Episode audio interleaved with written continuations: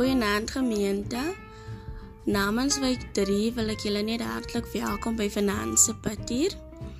Ons openingsgebed gaan gedoen word deur PC Magas en ons boodskap gaan gebring word deur Shonies Abbott. En vir Shonies wil ek net sê sterkte met die boodskap wat jy gaan bring vanaand en ek gee nou oor aan PC wat vir ons ons openingsgebed gaan doen. Dankie.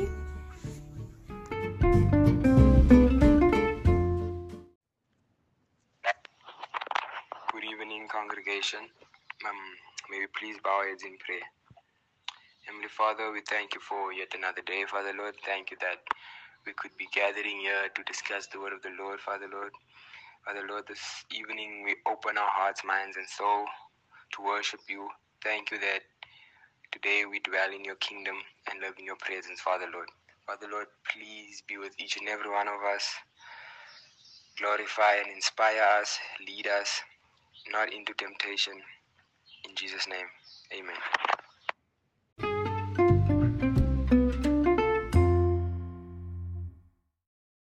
Goeiemiddag broers en susters. Ons skriflesing kom uit Markus 4 vanaf vers 33 tot en met 41. En dit lees as volg: Jesus se onderrig bestaan uit gelykenisse. Jesus het baie sulke gelykenisse gebruik om die woord aan die mense te bedien volgens wat hulle kon verstaan. Eintlik het hy in sy openbare onderrig net gelykenisse gebruik, maar wanneer hy agterna alleen was saam met sy disippels, het hy alles vir hulle verder verduidelik. Jesus kalmeer die storm. Teen die aand sê Jesus vir sy disippels: "Kom ons vaar oor kant toe." Hulle het die skare toe agtergelaat en Jesus was immers alreeds in die skei. Sommer net so saamgegaan, alhoewel daar ander skeite agterna gekom het.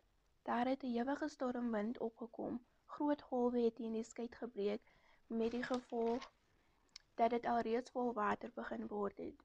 Jesus het agter in die skei gelê en aan die slaap gelê en slaap met sy kop op 'n kussing. Sy disippels maak hom toe wakker en sê vir hom: "Leermeester, gee U nie om dat ons besig is om te vergaan nie." Jesus het opgestaan, die stormwind ernstig aangespreek en vir die see gesê: "Bedaar, word kalm."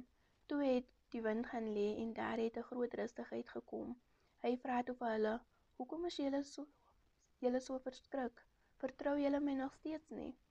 Hulle was heeltemal oorweldig en het vir mekaar gesê: "Wie is hy werklik? Selfs die wind en die see luister na hom." Nou broers en susters, ons lees dat die disippels in die wil van Jesus lewe. Hulle doen presies wat Jesus gevra het deur saam met hom oor kan toe te vaar. Hy was ook dan alreeds in die boot, soos ons lees. Nou ons lees verder dat terwyl hulle op die boot is, kom daar 'n probleem in vers 37 wat sê dat die probleem 'n storm is. Dit sê daar het 'n ewige stormwind opgekom. Groot golwe het teen die boot gebreek met die gevolg dat dit alreeds vol water begin word het. So met ander woorde kan ons sê dat dit in die wil van God ook reën. Dis nie net altyd maanskyn en rose nie. Nou geliefdes, ons kan nou hierdie konteks vergelyk met omstandighede wat ons dalk al in was of tans onsself in bevind of dit nou finansies, verhoudings, gesondheid of selfs net die pandemie is. Nou hierdie omstandighede is genadeloos wat soms jou hele lewe oorweldig dat mens nie weet of jy kom of gaan nie. Ons lees in die skrif dat die storm so erg was dat dit hierdie boot al vol water was en dat dit al die manne saam met Jesus onder die water wou neem. Nou dieselfde in ons lewens. Ek glo dat u al in 'n situasie of probleem vasgevang was dat u gedink het u sal verdrink. U sal onder toegevat word want u kan net nie hier uitkom nie, want hierdie probleem of hierdie situasie is besig om u lewe oor te neem. Broers en susters, ek praat nou nie van 'n koppyn of 'n tandpyn nie, maar 'n situasie waar jy nie weet of jy kom of gaan nie, waar jy nie 'n pil kan drink om dit weg te vat nie. Dit is besig om ons lewe te bedreig. Maar glo my broers en susters, as ek jou sê dat daardie probleem of situasie kom met 'n doel, dis deel van ons journey tot ontdekking. Nou ons lees dat die disippels drie storms ondergaan het. Nommer 1 was die omstandighede. Hulle kon nie die wind, die see, die reën of die boot beheer nie. Nou geliefdes, ons kan in die wil van God lewe met Jesus in ons boot, maar steeds nie beheer het oor die storm nie.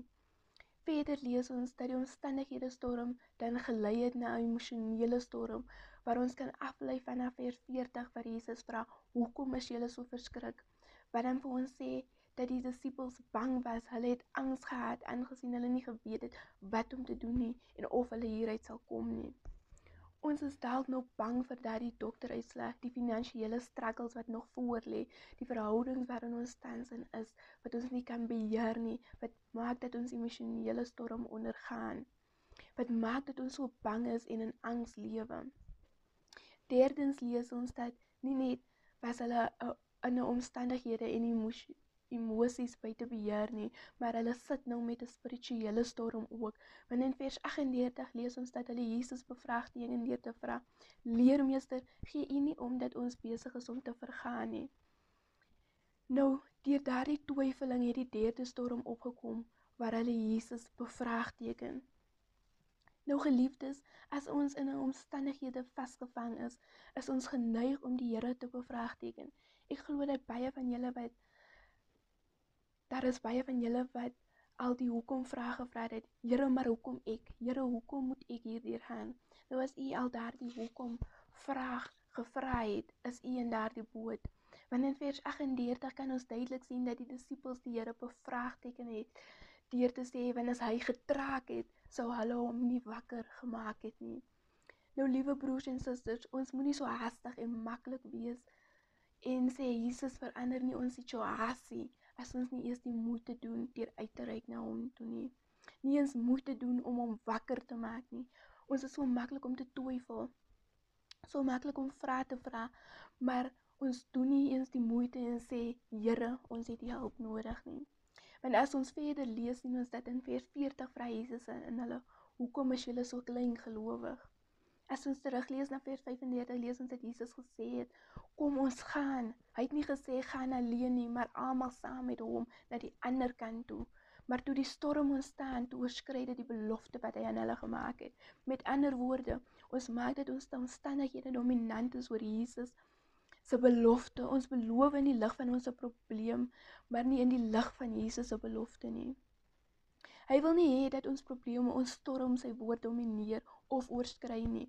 Hy wil nie hê dat ons storm sy vertoon verteenwoordigheid in ons lewe moet vernietig nie, want hy is saam met ons op die boot. In Jesaja 41 vers 10 word ons keer op keer herinner dat moenie bang wees nie, ek is by jou, moenie bekommer wees nie, ek is jou God. Ek versterk jou, ek help jou, ek hou jou vas met my eie hand red ek jou. Geliefdes, ek wil jou bemoedig deur te sê, maak nie saak wat jy tans face in die lewe nie. Maak nie saak wat daardie obstakel is wat jou keer om vorentoe te be beweeg nie. Onthou die Here is met jou, die een wat op die water geloop het, die een wat duisende gevoed het, die een wat gekruisig was en weer opgestaan het, die een wat die hemel en aarde geskep het, die een wat siekes gesond gemaak het, is met jou. Hy is saam met jou op daardie boot. Al wat jy moet doen is reik uit na hom, maak hom wakker, bid het geloof want ons word heeltyd herinner in Jeremia 29 vers 11 en ek sluit af for I know the plans I have for you declares the Lord. Plans to prosper you and not to harm you. Plans to give you hope and a future